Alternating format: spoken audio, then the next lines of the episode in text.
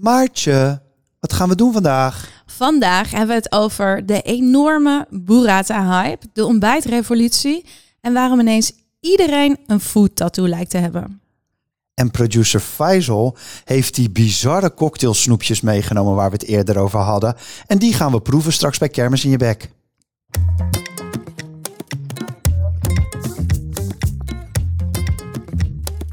Professionele eters Maartje Nelissen en Gijsbrecht Brouwer vreten zich sneller door het laatste foodnieuws dan door een zak M&M's.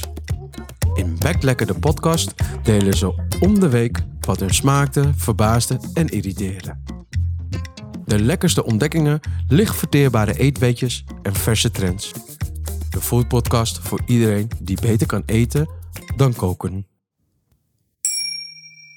Hey, de zomer loopt nu toch echt een beetje op zijn einde. We hebben heel veel lol gehad deze zomer. Nou, wil ik wel zeggen, ja. Drie zomerspecials opgenomen, drankjes, eh festivalfood En terrassen. en terrassen, dankjewel. Wat is jou nou het meest bijgebleven? Ja, wat mij het meest bijgebleven is eigenlijk, we hebben, iedereen zit op het terras, iedereen kan een zomerdrankje nemen, maar niet iedereen gaat naar een festival. En toch is diegene over festivalfood de best beluisterde geworden. En sterker nog, het is een van onze best beluisterde ooit meteen geworden. Eigenlijk al meteen. Dus daar ben ik wel eh, heel erg blij mee. En Ja. ja, ja dit, ik denk dat dat toch een... eh, ja, en we hebben natuurlijk veel lol gehad samen. Daar ben ik ook wel blij om. Veel lol gehad, we hebben veel video's gemaakt. Dat, eh, ik, ben, ik ben op cursus met mezelf om daar beter in te worden.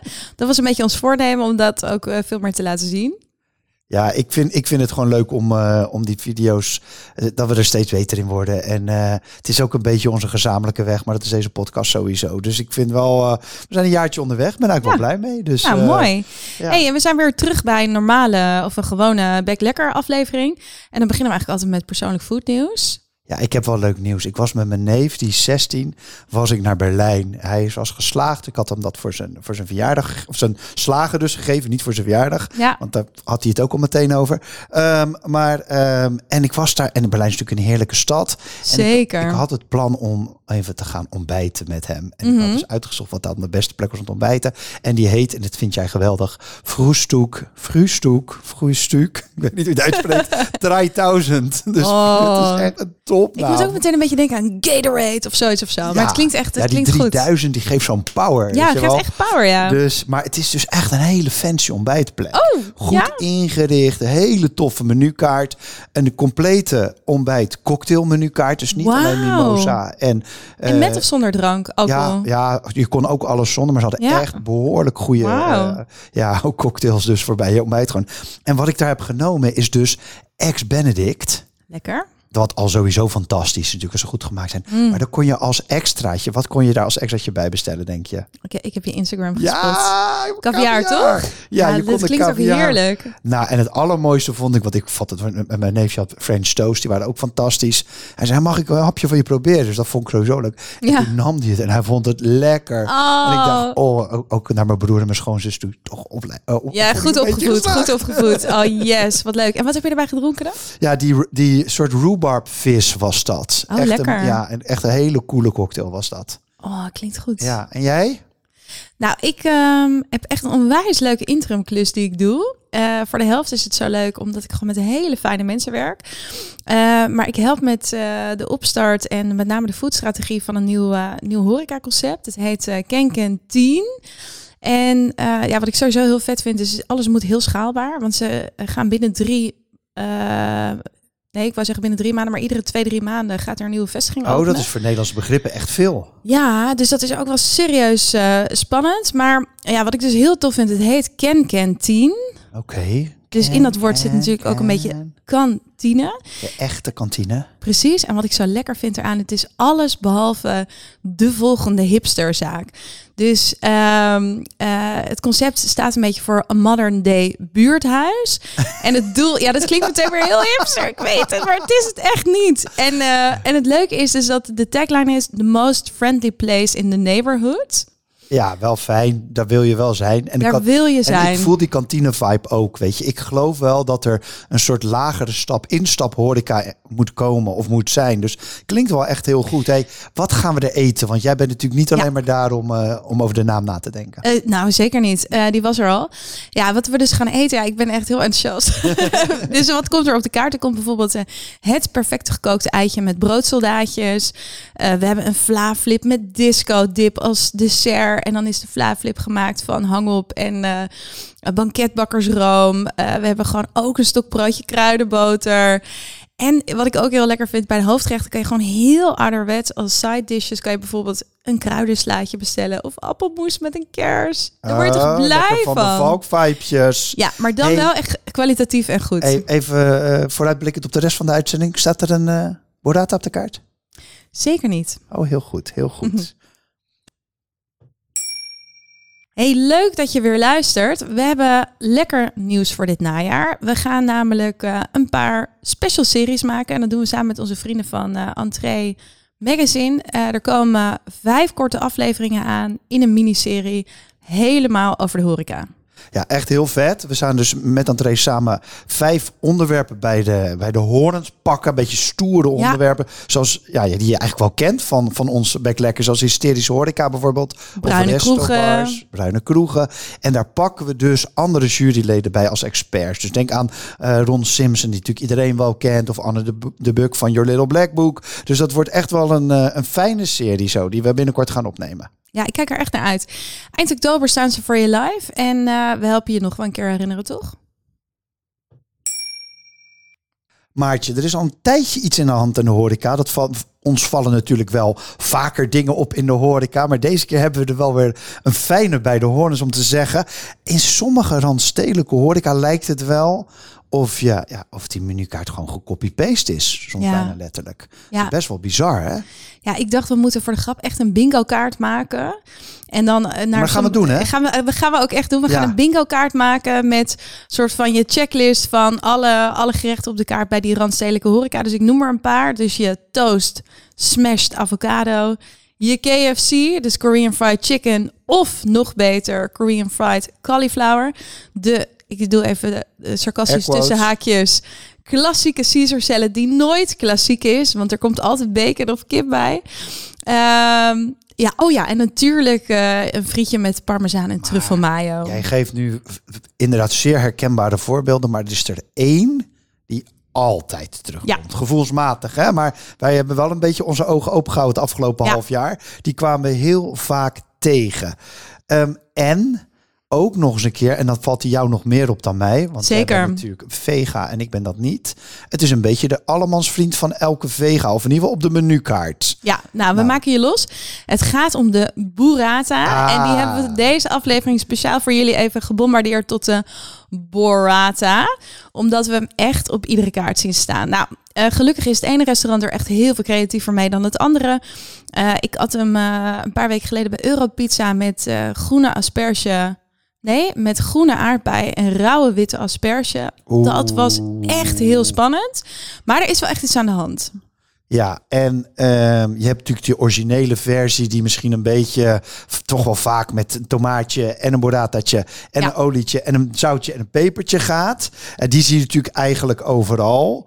Ehm, Klopt. En ik heb hem ook wel veel gezien met caponata. En Oh, hoe ja. jij hem omschrijft, wordt het een beetje de caprese. ja, we hadden trouwens nog een eh, onderzoekje gedaan eh, op... mozzarella eh, versus burrata. Welke ja, hoe want vaak het zijn die wordt zusjes van elkaar. ja, hè? het zijn absoluut zusjes van elkaar. Hoe vaak die wordt eh gehashtagd op, eh, op Instagram. En dan valt toch op dat eh, hashtag mozzarella is volgens mij 3, zoveel miljoen. en de burrata meer. is eh, 1, zoveel. Ja, ja. Maar het valt me wel op dat er is, ja, er is gewoon een enorme... in Nederland zie je toch bijna nergens meer mozzarella op de kaart Nee. staan, behalve als het op een pizza Nee, zit. Maar klopt. zelfs op, nou ja. Jij had een mooi stuk gevonden en niet van de minste. Eh, Grub Street, natuurlijk een bekende publicatie uit New York. Die zitten altijd wel bovenop de trends, zal ik maar zeggen. En die hadden, ik zal het even voorlezen, de A Big Fat Blob of Boring. Hè, burrata, boring. Can we cool it with all the burrata balls? Ja, ik vond dit ook heel grappig, omdat vaak zie je, ik, ja, jij, jij en ik hebben het heel veel over food eh, trends. Ik vind dat er nog best wel vaak een verschil is in, uh, in wat er in de States gebeurt en hier. Ja. We hadden het bijvoorbeeld een keer een aflevering over die well, peak wellness food. Ja, we hebben het gehad over die hard. Nee. seltzers. Maar ik vond dit zo grappig, want ik dacht meteen, dat is hier ook heel erg aan de hand. Ik denk, in alle eerlijkheid, dat het hier nog meer is dan in Amerika. Denk je? Ja, nee, absoluut. Wij Ah. zien hier meer burrata. Dus kan je nagaan als ze het daar nu al zat zijn. Ja, hoe wij dan waar eh, wij nog eigenlijk doorheen tegenaan moeten. kijken. Ja. Nou ja, die burrata natuurlijk twintig jaar geleden kwam het een beetje als soort van opvolger of zusje inderdaad van, Ja. van de mozzarella. Mozzarella hadden ze room over van een van de andere processen hè, bij het koeienmelken. Dus dan Ja. hebben ze dat ingespoten in die mozzarella. En dan kreeg je die hele creamy ja, bol. Want hij is dan een soort van dichtgebonden aan de bovenkant. En eh, ja, nu, het, eh, nu zie je hem natuurlijk in feite overal. En dat komt voor een deel dat ze niet meer uit Italië hoeven te komen. Nee, dus het is klopt. niet zoals Parma dat Ja. uit Parma moet komen. Ja. Die burrata kan gewoon uit Twente komen. Of Ja. nou, weet ik niet waar. Purmerend. Purmerend. Lekker we er eentje gevonden. hier. Ja. Ja, en er is natuurlijk nog een reden waarom het zo populair is. Dus de burrata lijkt heel erg op verse mozzarella. En jij zei het al, het eerste woord waar ik ook aan denk is die creaminess. Creaminess, die, die rijkdom, dat het er dan ook zo uitoest. Dat in het midden... ja, het is ook een stuk minder zout dan eh, veel andere kazen. En wat leuk is voor chefs, is dat door die milde smaak kan je er eigenlijk heel veel kanten mee op. En je kan er best wel je eigen schwung aan geven.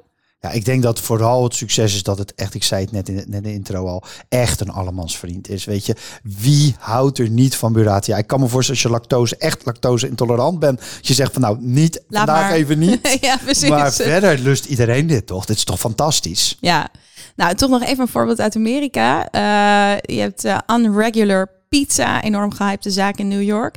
Eh, hier heb je de Burra Pizza. En eh hou je vast, daar bestel je een pizza waarbij op iedere slice Wow. één bol mozzarella op zit. Oh, dus je eet eigenlijk, of eh, mozzarella burrata. Dus je Ja. eet eigenlijk zes bollen. Denk ik, dat is, dat is niet meer lekker, toch? Nee, dat is, dat is echt te veel. In, in, in Rotterdam heb je de Buffel, een Mm. pizzeria die genoemd is naar de Buffel mozzarella, oftewel de burrata natuurlijk ook. Hè. Dus die zitten helemaal daarop. En die hebben een mooie pizza met één bol burrata, precies op het midden zo. Ja, die eet Die- ik ook wel eens bij de pizzabakkers. die, is, echt, wel lekker. heel goed, ja. Ja. En je hebt nog even de New York Times erop nageslagen. Ja, ik dacht, ik pak de New York Times van tien jaar geleden er even bij. En daar stond toen al, mind you, anyone can slap burrata on a plate and wait for the moaning to start. Mm. Ehm, dus ja, dat is natuurlijk, toen was dat al eh, on point, maar nu helemaal. Ja, het is inderdaad. Ja, je, je kunt dus eigenlijk zonder dat je er heel veel aan hoeft te doen. eh, dan please je wel echt je, echt je gasten. Dus ik, ik snap het succes. Er is dus wel één ding wat ik er best ingewikkeld aan vind. Want ik eet dus vegetarisch. Dus Ja. daarom kom ik heel vaak die burrata op de kaart tegen. En is dat voor mij in heel veel zaken eh, de vega-optie. Ja, en, de enige. ja, nou, som- soms wel. Ja, Eh, en wat ik daar zelf lastig aan vind, is eh, mijn reden om, om vegan te eten, is echt met name vanuit duurzaamheid en heel erg klimaatperspectief. ja. Maar het lastige is, als je een burrata zou vergelijken met de uitstoot van bijvoorbeeld kip of zelfs varken, dan kan je dus eigenlijk, het gaat niet alleen maar om, om CO2-uitstoot, maar dan kan je relatief gezien beter, beter kip eten of wit vlees. Ah. En dat vind ik dus soms dan best Ja, dus lastig eraan. Met je, met, je, met je geweten in de knoop als je zo'n burrata beetje, eet. want ik vind het ook lekker. Maar eh, ik dacht misschien wordt het tijd voor een plantaardige variant. Ja, het is natuurlijk voordeel is wel dat voor een burrata in principe geen beestjes eh, hoeven te sterven. Eh, maar ik ken jou ook als iemand die niet bij de pakken neerzet en alles maar accepteert zoals het is. Dus misschien komt er wel een opvolger van die burrata, want we zijn er een beetje klaar mee. Hè. Ik hoor heel veel feta en halloumi de laatste Ja, tijd. Wat me ook maar, op. maar misschien zeg jij wel van eh, plantaardig. Of, Nou, weet je wat ik dacht? Misschien kunnen we hier een oproep doen voor alle horeca-ondernemers. Dat het tijd wordt voor een revival van de panzanella salade. Oeh, lekker. Wij hebben hem laatst gegeten, jij en ik, bij eh, restaurant Troef. Daar was die goddelijk. Ja. Echt heel goed klaargemaakt. En wat ik zo leuk vind aan de panzanella... is dat hij is in de basis eh, plantaardig... En het is van oudsher een recept wat je heel erg gebruikt voor restverwerking. Ja. Dus ze- je maakt hem met oud brood. En als je hem maakt met vers brood is het echt heel veel minder lekker. En je kunt dus heel goed je restjes opmaken. Dus ik dacht, burrata move over. Panzanella, kom alsjeblieft terug. Precies. Hey Gijsie, we hadden al een tijd het idee dat we iets met ontbijt moesten doen. Waar ontbijt jij het liefst? Ja, ehm, eigenlijk, en dat weet jij, maar misschien weten mijn luisteraars, mijn vaste luisteraars, dat onze luisteraars het nog niet helemaal. Maar volgens mij zeg ik dit altijd. Ik zit natuurlijk al twaalf jaar bij Picnic. Ja. En, eh, In Rotterdam. In Rotterdam, ja, op de Mariniersweg. En het knappe van Picnic vind ik, zij had het eigenlijk een concept gevoelsmatig niks veranderd in twaalf jaar. Dat is helemaal niet waar, want het is eigenlijk compleet veranderd. Maar dat, die gedachte van je komt er om acht uur binnen en je kan er volwaardig ontbijten. En iets anders dan alleen maar een croissantje, zou ik maar zeggen. Echt met een goede menukaart. Die ownen zij al twaalf jaar. En met goede, voor mij echt heel belangrijk, goede koffie Ja, is ook belangrijk. Ja. Ja. zeker bij je ontbijt. Ja, ik vind dus echt niks heerlijker dan in je eentje uit ontbijten. Ik heb dan vooral als ik dan 's ochtends wel eens, heel eerlijk, het gebeurt laatst ook niet superveel. Maar als ik dan wel eens heel vroeg ga sporten Ja. en dat je dan daarna even, dat ik ga, ga ik in mijn eentje ontbijten en dan vast wat werkdingen doen. Oh, die, ik kan me echt mijn dag niet beter Ja, beginnen. voor mij is ontbijt in principe altijd alleen, eh, alleen. Maar ik snap het, ontbijt is booming, hè? Ja, enorm. Nou, dus wij eh, zouden back lekker niet zijn als we niet zouden claimen. Ontbijt is wat ons betreft het nieuwe lunchen. Misschien zelfs het nieuwe dineren. is het nieuwe lunchen. Ja? Ja, ja, ja. ja. Eh, het kan natuurlijk wel ook komen dat ik eh, in een fase zit met klein kind. Ik heb dus tegenwoordig ook dat ik mijn vrienden vaker zie op zondagochtend. Ergens bij de brunch wel vaak met mimosa's dan op zaterdagavond. Maar dat is wel fijn. Ja, het is fijn. En ik vind het grappig, want jij, ik herken dat heel erg bij young moms of young dads. Hè, dat ze dan maar gaan ontbijten met de kinderen erbij. Ehm, maar het, is, het is, leeft veel breder. Want ook die Gen Z, die is ook een beetje partymoe. Dus die gaat ook veel liever overdag en aan daytime drinking doen. Of lunchen en ontbijten. Dan dat ze s'avonds tot diep in de nacht doorgaan. Ja, en wat ons ook opviel, is eigenlijk. Ik weet niet of dit waar is, maar we zien het al een paar jaar eigenlijk bij die hele grote fastfoodketens. Ja. Dus hebben zij mede deze trend veroorzaakt? Ja, nee, ik denk dat het dat het dat als je ziet hoe McDonald's zeg maar daarmee begonnen is en die andere zijn er dan achteraan gekomen, hè, Denny's en maar ook bijvoorbeeld Starbucks, Ja. Dunkin zijn allebei gegroeid. Met name op dat ontbijtsegment segment van de dag. Ja. Ehm, dus die hebben dat wel degelijk ons geleerd dat je ook buiten de deur kan ontbijten. Ja. Betaalbaar. En nu zie je ook wel dat andere, ja, wat luxere varianten daarnaast Ja. komen natuurlijk. Ehm, wat, Ja, even, even naar de cijfers. Ik was daar wel benieuwd naar. Eh, die vielen mij eerlijk gezegd dan nog wel tegen. Als je kijkt naar wat het percentage is van buiten de deur ontbijten versus nog lunch en diner. Wat denk jij dat het percentage is wat buiten de deur wordt gegeten? Ja, ik, ik wist dit, dus, eh, dus Oh. ik hoef niet te gokken. Dat scheelt weer. Ik denk, ehm, eh, in, tenminste wat ik, wat ik weet vanuit VS in ieder geval, Nederland is dat wat minder goed onderzocht. Gaat het tussen de 10 en de 15 procent. En bij de Mac, die dat echt uitgespeeld hebben, die zijn de beste daarvan in Amerika, eh, die zit op 25 procent. En dat vind ik best wel fors. Ik vond dat dus ook heel fors. Ik denk ook dat het komt door dat McCafé. Zit dat er dan bij, denk Ja, je? ja, ja, ja. Dus daar, Want dat is natuurlijk Ja. helemaal eh, koffie en, ontbijt. Ja. En wat zij slim doen, is ze houden het tot half elf of elf uur. En dan gaat het menu ook om. Dus ze hebben Ja. hash browns en dingen met eieren, met worst en zo. Dus ze, duwen mensen ook wel naar dat momentje toe, zeg maar. Ja, slim. Ja, ik kwam nog een stuk tegen uit de UK. Daar hadden ze het over de breakfast renaissance. Ik vind het sowieso altijd een heel lekker woord. Eh, en daar spraken ze ook nog over het post-covid effect. Dus we hadden in corona allemaal veel meer tijd om thuis te ontbijten en er wat meer van te maken. En eh, zij spraken erover dat het effect nu, wat je ziet met ontbijten buiten de deur, dus ook nog is dat we die nieuwe gewoontes hebben aangeleerd.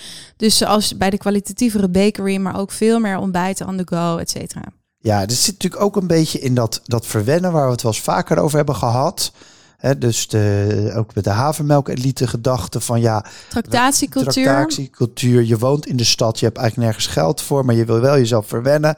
En dan kies je dus, we hadden het vaak over de bakkers, maar ontbijt is dan natuurlijk van alle momenten uit eten gaan, is natuurlijk de goedkoopste. Dus dat geeft, je, dat, dat geeft ook gewoon een optie om daarin te stappen. En zoals ik net al zei, zie je natuurlijk dat Gen Z sowieso veel meer van daytime drinking is. Nou, ik heb me echt laatst een geld uitgegeven aan uitontbijten. Dat ik denk, ik weet niet hoe je dat heel veel goedkoper doet. Maar we zijn eh, inmiddels zitten we zo lekker in een soort half eh, trendcollege. Ik pak hem gewoon nog even door. Ja. Eh, wat ik ook nog grappig vond over dat ontbijt, is dat ontbijt dus eigenlijk een van de eetmomenten is dat mensen nog het minst bewust bezig zijn met hun gezondheid. Dus dat dat vaak nog het moment is dat je jezelf dan toch dat croissantje gunt of een lekker chocoladebroodje of mij whatever. hebben wij dat geleerd toen wij klein waren. Dat we dan vlokken op ons brood Oh, mochten lekker doen. ja. Dat was toch al dat eerste momentje. Ik vind dat nog steeds heel lekker trouwens. Ja. Hey, eh, misschien leuk nog wat voorbeelden. Wat zijn nou jouw lievelingsplekken of wat, wat raad je aan wat we allemaal moeten gaan volgen? Mooie plekken in het buitenland. Ja, ja ik, zal, ik ben natuurlijk een onwijs culisnop en ik hou echt heel erg van ontbijten. Dus um, ik noem Ben jij eigenlijk een zoete ontbijter of hartig? Ja, ik was altijd heel erg zoet. Dus ik eet bijvoorbeeld heel vaak acai zo. Hè? Ja, uh, zo'n bol. Zo'n bol, en dat is best wel zoet. Zeker met die, met die crunch erbij. Uh, maar als ik echt ga ontbijten, dan doe ik liever hartig. Hm. Dus als ik naar een mooie zaak ga, zeg maar. Ja, ja. Um, dus, uh, of als, misschien ook als ik mezelf trakteer. Misschien heeft het daar toch mee te maken. Ja, hè? Um, in, ik, Duitsland heb ik gezegd. Berlijn, Frühstück, 3000. Gewoon die ex-Benny nemen met caviar en een goede uh, cocktail daarnaast. UK heb ik echt, daar heb ik al mensen op trendtour mee naartoe genomen. Is echt Ja. een van mijn favoriete horeca formules überhaupt. Is Caravan. Dus soort, zij doen zelf een koffie malen, maar zij hebben ook zo'n concept dat door de dag heen beweegt. Dus 's ochtends is het 100% ontbijt en dan lunch. En dan s'avonds kan je er ook nog gewoon borrelen. Oké, oké. Wat, eet, wat eet je daar dan bijvoorbeeld als daar- ontbijt? Ja, daar, ik, ik heb hem opgezocht weer, want ik vond het zo lekker. Steel cut oat porridge, medjool dates, black sesame en tahini. Oh, lekker. Ja, het klinkt ook echt lekker. Ik, ik dacht echt, wat, wat is steel cut oat? Ik, ja, ik moest dat even op- jij hebt het gegoogeld voor ons, hè? Ja, en het, in het Nederlands heet het gewoon havergrutten. Eh, maar ik ben erachter. Ja, ja, ja. ze- Het is helemaal niet. Dan is Steel cut oats versus havergrutten. Eh, anyway, die havergrutten die zijn een stuk minder bewerkt dan havermout. En eh, relatief gezien doe je daar een stuk meer Vocht vocht, bij, ja. Dus melk of water of whatever. Waardoor het eigenlijk een stuk gezonder is en beter te verteren. Ja, mooi. Ja, ik het, voelt iets wat we binnenkort in Nederland op alle menukaarten gaan zien. Daar zijn die Londenaars toch goed in. Laatste dan in New York doe ik helemaal niet hip. Daar ga Oh, ik, nee, daar ga ik gewoon eh, graag bagels halen 's ochtends. Bagels everything on it en dan bijvoorbeeld lox erop of zo. En bij mijn broer in de, waar die woont in de buurt zitten heel veel goede bagelzaken. Maar eentje die door heel New York goed te vinden is, is de Brooklyn Bagel and Coffee Company. Oeh, dat klinkt ook echt spannend. Ja, ik eh, kom dan in Amsterdam. Als ik denk aan ontbijt, kom ik echt meteen uit bij The Cottage in Amsterdam-Oost. Oh, Ja, die is leuk. Ik neem daar ook iedereen mee naartoe. En ik vind het heel ook zakelijk, door de week of in het weekend met vrienden of whatever. Wat ik heel grappig vind, ik denk echt dat ik een stuk of twintig keer daar ben geweest. Altijd voor ontbijt. Ja. Terwijl je hebt ook een prachtige een menukaart voor lunch of voor avondeten. Nooit gedaan. Eh, ik kom daar onder andere echt voor de scones. Ze hebben volgens mij elke dag of elke week een eh, soort special variant. Altijd heel origineel. Ik heb er wel eens rum boerenjongen scone gegeten. En bieslook met allemaal spannende kaas. Eh, en ook weer hele goede koffie. Gewoon echt hele goede koffie. Volgens mij is dat echt een Ja, noodzaak, anders kom ik er niet eens. nee, ik ook. En dan, en dan ook echt hele spannende, hartige opties. En eh, weet je wel, echt toast met hele mooie paddenstoelen. Of ze hebben ook een toast met anchoviesboter. Alle soorten eitjes. Oh, ja. En jij dan in Nederland? Je mag niet meer picknick zeggen. Oké, picknick. Nee, ik zeg geen picknick meer. Ehm, nee, ehm, we hebben het een keer hier al gehad over Wally. En wij zijn samen ook een keer in Wally geweest. Oh, wat En een was- leuke tent. Ik word daar heel vrolijk met de van. ondernemer daarachter, een van de twee ondernemers, Frankie, nog uitgebreid over te hebben. Toen heb ik het ook in zijn gezicht gezegd. Het is de meest Amsterdamse eh ontbijttent van Rotterdam. Dus hij vond het totaal geen belediging. Dus dat vond ik wel weer mooi. Dus Oh, grappig. aan het Noordplein. En wat En- maakt het zo Amsterdams dan voor jou? Ja, het is gewoon heel gewoon strak ingericht. Een, be- ja, een beetje havermelkelieten gewoon. Ja, dat is waar. Het is gewoon Ja. het, en, en gewoon de menukaart. Hè. gesteld. Ja, heel gesteld. En bijvoorbeeld gevulde croissants, weet je wel, dat Ja. soort dingen. Het is, er is echt Ja. over nagedacht. Ja. Met liefde overigens hoor. En dan één plek in Rotterdam waar altijd eh, nog rijen staan is bij Jarmusch. Dat is al vijf Oh. jaar. En, eh, heb er nooit van gehoord. nee, prijs gewonnen afgelopen horeca van de beste pannenkoeken van Nederland. Dus dat Oh. deden ze goed. Eh, dus dat is ook echt een aanrader. En die hebben net een tweede plek ook in West geopend. Oké, hey, om Breakfast Renaissance even af te maken. Wat eh, staat natuurlijk toch voor een soort wedergeboorte. Wat verwachten wij nog meer daarvan omtrent ontbijt komende jaren? Ja, ik heb daar wel een, een droom bij. Misschien nog niet een visie, maar wel een droom. Ik, ik, ik, ik droom van fine dining ontbijt. Dus dat je echt gewoon gaat zitten en voor je ontbijt met heel veel liefde, een volledige menukaart, met bijpassende wijnen en cocktails. Dat je dus niet Of sappen? Gewoon hoeft Sappen ook niet alcohol, ook. Ja hoor, zeker. Of kombucha's. Je hoeft niet helemaal, maar dus niet in dat standaard frame van, van je croissant, maar echt een chef die gewoon helemaal los erop gaat. Oh, ik ben er echt helemaal bij. Hey, je kunt het je nu gewoon echt niet meer voorstellen. Maar eh, toen ik als broekie op de hoge hotelschool zat of in de horeca werkte, was er gewoon een tijd dat je gewoon eigenlijk niet mocht werken of niet werd aangenomen in de horeca als je tatoeages had. Of je moest ze afplakken met pleisters. Jemig zeg, als je dat tegenwoordig zou moeten doen, moet je gewoon tape, moet je gewoon je hele armen tape, hele Nou ja, en tegenwoordig ben je al blij als er iemand komt opdagen. Ja, ook dat, ja. La- Laat staan dat hij ook nog iets kan. Eh, wel fascinerend. Ja, hey, even met de feiten beginnen. Want we gaan Ja. het hebben over eh food gerelateerde tattoos. Oftewel tasty tattoos.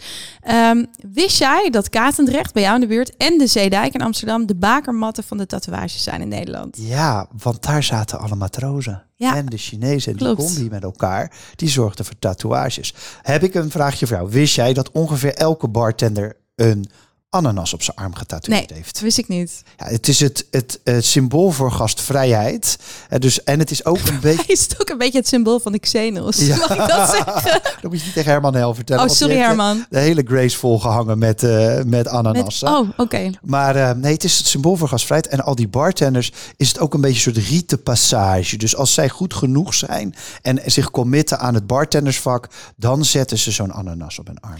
Maar denk jij niet, ik zit, sorry, ik zit helemaal, helemaal lekker in de sfeer. Denk jij niet dat die ananas echt een beetje de tribal van de toekomst is? Nou, laat het niet aan de jongens weten, met name jongens. Hè, want dan, dan krijgen ze toch een beetje... Aan de andere kant, wij hebben natuurlijk best wat onderzoek gedaan voor deze... we hebben echt, we zijn er En- diep in gedoken. En Ja. de tribal is op zijn weg terug. Oh, Revival van de tribal. You heard it here first. Ja, oké. Nou, ik wilde inderdaad heel graag de cijfers induiken. We hebben echt ontzettend hier veel. Ik kwam echt in een soort deep dark web over tatoeages. Ik zat er helemaal lekker in. Ehm, ja, we, we vonden het nog best moeilijk om te vinden. Wordt er nou meer of minder getatoeëerd? Er zijn heel veel verschillende cijfers van. En is er nou daadwerkelijk een opkomst van ingrediënten eh, of gerechten als tattoo? Of zitten wij gewoon in onze bubbel?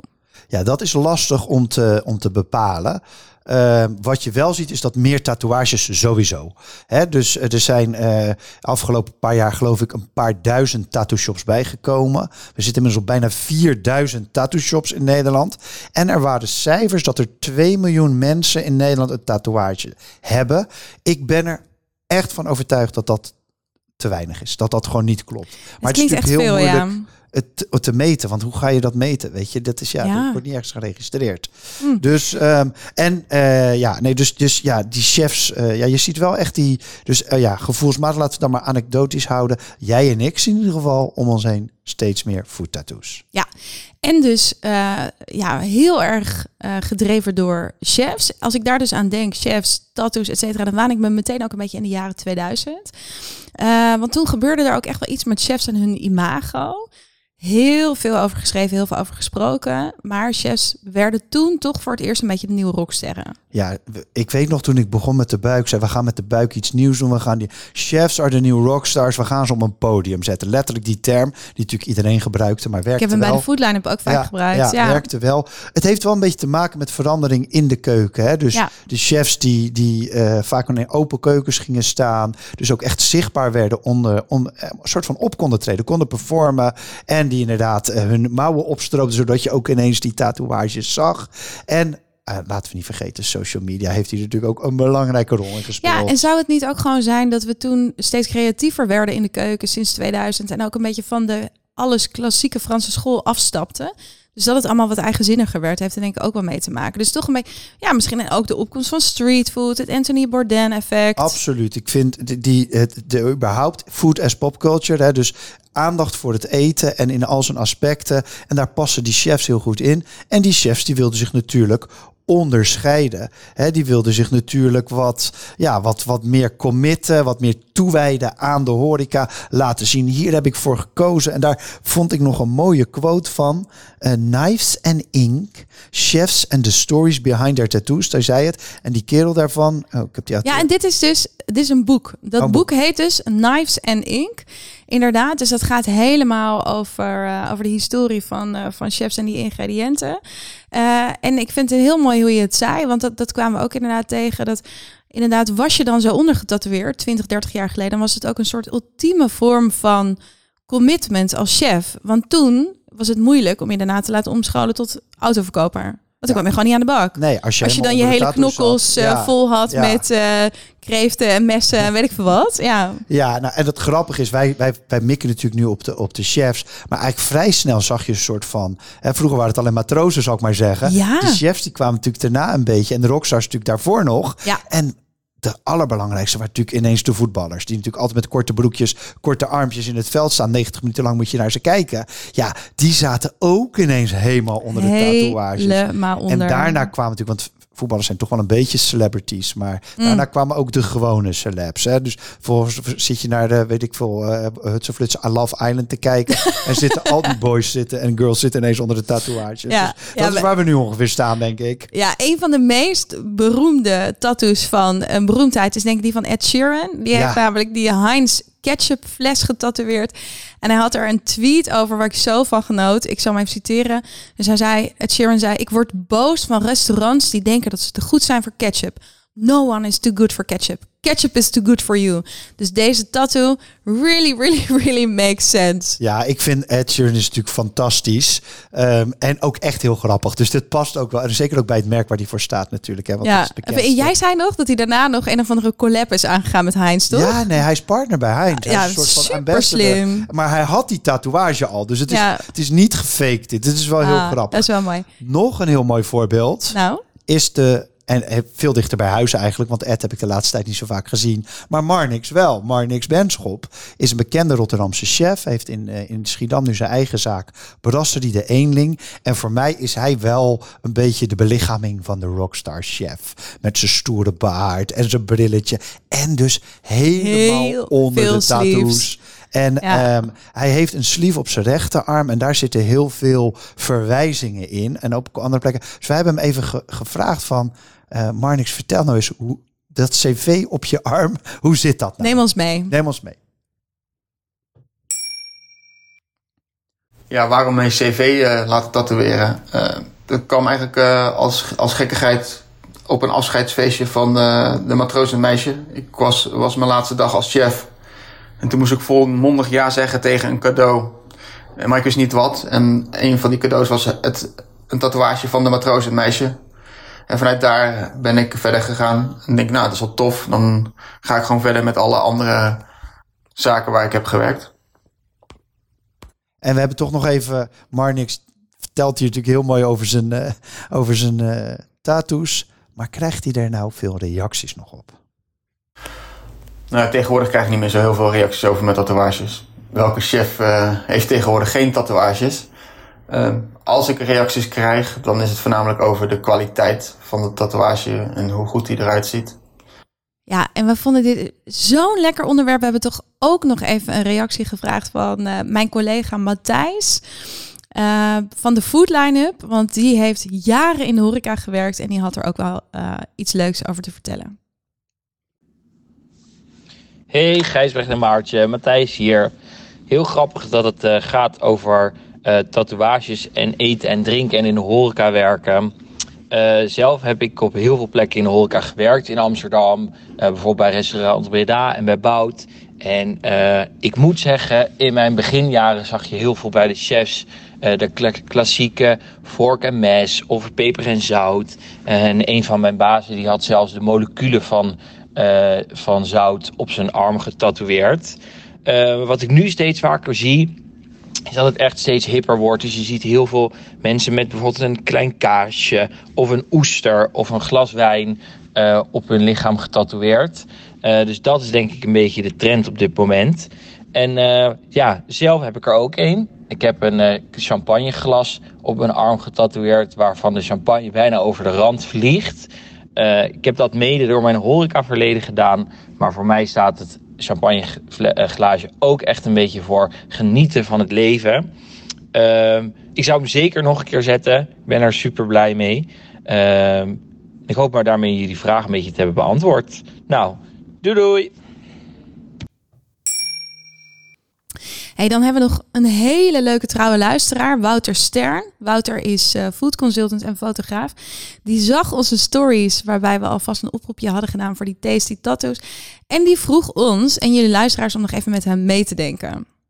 Ja, en Wouter heeft wel wat eh tatoeage, heeft ook een stoere baard, dus wel type ervoor. Ja, Ehm, dus ehm, ja, zijn vraag is eigenlijk van eh, wat moet er nou op hem komen, zeg maar. Ja, en hij eh, had een berichtje ingesproken naar mij en hij zei van nou, ik vind het een beetje gek om bijvoorbeeld een mes, een, chefsmes te nemen, want ik ben geen chef. Ik hou heel erg van ramen. Ehm, hij houdt heel erg van de Indonesische Ik heb een keuken. hele leuke ramen tatoeage, die ga ik wel naar hem Ja? doorsturen. Ja, die kwam ik tegen van de week. Nou, en ik dacht, Wouter, misschien is dit iets. Ik dacht, als je toch een beetje laagdrempelig wil beginnen. Hij had het namelijk ook nog over een mes en vork. Eh, toen dacht ik, nou, ik vind het ook wel bij Wouter passen om het een beetje origineler in te steken. Dus ik dacht, eetstokjes. Chopsticks. Chopsticks. Ik dacht, dat het gaat niet zo snel vervelen. Eh, ja, hey, en dan dacht ik, nou ja, we moeten natuurlijk even hiermee afsluiten. Eh Hoeveel tatoeages heb jij? Eén. Oh, je hebt er één. Ja, jij? Ik heb er nul. Oké. Faisal? Drie. Faisal heeft er drie. Oh, hij heeft er toch 18. hij is het even aan het natellen. Ehm, Oké, als jij nu pistool op je hoofd, je moet je hele rug, rugbedekkende tatoeage met iets met eten. Wat zou je nemen? Ja, ik heb dus echt enorme bindingsangst. en ik vind een tatoeage is tegelijk iets voor de rest Ja. van je leven. Hoewel die bent- wegverwijde shops alleen maar beter worden. Maar, ehm, en ik ben op zich gezegend, met dank aan mijn moeder, met een enorme berg aan vlekjes over mijn hele lijf die het Ah. heelal uitbeelden. Dus ik denk dat ik het toch daarbij laat. Ah, oké. En jij? Ja, ik dacht, eh, oké, dus ik blijf dan heel trouw aan mijn eigen eis. Het moet rugbedekkend zijn. Ik zou dan een baguette nemen. Gewoon een hele grote baguette van mijn nek tot mijn Oh, stuitje gewoon of gewoon zo. helemaal precies over, Ja. je, over je ruggenwervel. heen. Ja, ik dacht eerst een croissant, maar dat, ja, dat, is ook, dat is ook een beetje de tribal van over tien jaar. ja, denk ik ook. Hey, kermis in je bek is back. Yes! En we gaan maar meteen even. hè, Het is natuurlijk de schoolseizoen is weer begonnen. Iedereen loopt weer te hoesten en te proesten. En de eerste coronagevallen worden alweer gemeld. Dus we gaan aan onze immuniteit werken. Yes. En dat doen we met ginger shots, oftewel gember shots. En ze worden ingeschonken. We hebben er drie. Eentje van ginger met zo'n raar dus apostrofje tussen de G en de I. Ehm, eentje van Innocent, die je gewoon bij de appie kan kopen. En dan het AH huismerk. Dus we hebben er drie en we gaan ginger proeven. Ik begin met ginger. Ginger Ik heb een voor iedereen een shotje gemaakt. Zo 42. drink ik hem ook vaak Oeh. 's ochtends. 42% gember. Dus dat is wel serieus. En dan druivensap en citroensap. Ik shot. Oh, oh. Ja, ik heb de- deze dus wel thuis, maar ik vind het best wel Oh, heftig. Lekker.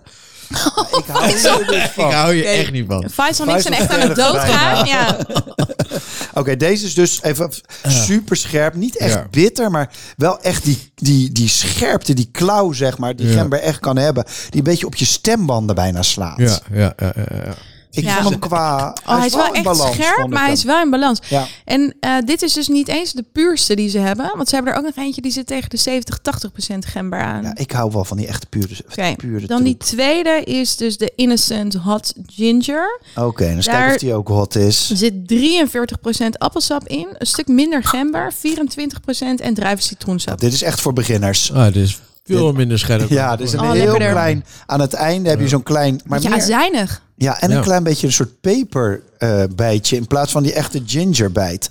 Hij is wat meer prikkelend, zou ik zeggen. Ja, hier zit, misschien, hier zit citroen in, dus misschien proef je Ah, die. Ja. Ik vind het wel Ja. lekker, moet ik eerlijk zeggen. Ja, deze is wel goed. En dan de laatste. ehm, ja, gewoon AH huismerken. Die vind je gewoon eh, overal in de app. Je moet even zoeken. Ze staan niet bij de drankjes deze, maar ze staan bij de verschap. Dus dan weet je waar je ze kan vinden. Gember Power Shot. Oh, deze is wel weer scherper. Ja, Zo, dat had ik niet verwacht. meer- nee, ik had gedacht, dit wordt de lafste van het stel. Oh, oh, deze is echt scherp in de keel ook weer. Oh. Oh, deze valt me niet tegen. Hoe zitten de percentages hier? Ja, dit is heel anders, want het is 65% appel, eigenlijk maar 25% gember en 10% citroen. Ja, dus bij die laatste twee is het de kwart gember. Oh. En bij die eerste was het bijna de helft. Oké, bepalen we een winnaar. Hoort bij eh, kermis in je bek. Maartje. Innocent. Ja, ik ben toch een mietje met gembershots, eh, kom ik Ik vond de achter. eerste, als je dan een gember shot neemt, dan moet hij wel, dan moet er wel Ja. Pit hebben. Dus eh, nummer 1 was dat toch? Ja, Dat ik ga ook voor nummer Ja, 1, die gin- ginger. gin- Ik vond hem qua ja. mix goed. En inderdaad, wat Faisal zegt, knallen. Dus de winnaar is just apostrofje Inger. Ze winnen. Yes.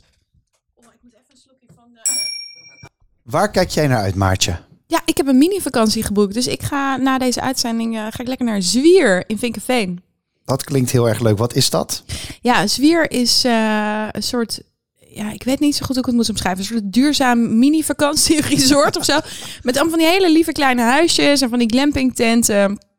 Ehm, en het grappige is dat alle maaltijden zitten inclusief. Alles Oh, is vega. Hoeft niks te doen. Ja, het is echt een soort all-inclusive. Oké, wat lachen joh. Ja, en jij? Hey, ehm, nou, ik heb ook zoiets, maar dan iets verder weg. Ik ga naar Texel. Nee, Texel. nee, naar Texel ga ik. En het is wel echt heel leuk. Ik zit in de jury van Texel Culinair. En dat is een festival, dat is eh, midden september. En, ehm, en daar, iedereen op Texel komt dan daar bij elkaar, gaat koken wat ze het beste kunnen koken. En dan moet ik dus de hele dag dat eten. En dan aan het eind jureren. En dat is een soort BN'ers-jury of bekende foodies-jury. Ik zit dus met Miljuska onder andere in de jury. Oh, doe de Dus groetjes kijk- van mij. Ga ik doen. Ik kijk daar heel erg naar uit. Jaloers. Ja. Heel leuk. Dankjewel weer voor het luisteren. Dit was Back Lekker de podcast vanuit Bunk in Amsterdam-Noord. Dank aan onze producer Faisal voor het mooie produceren van deze podcast. En als jij nou nog een leuke tip hebt, laat het ons weten. En like ons alsjeblieft in je favoriete podcast app. Dan kunnen andere mensen ons makkelijker vinden. Tot over twee weken. Twee weken.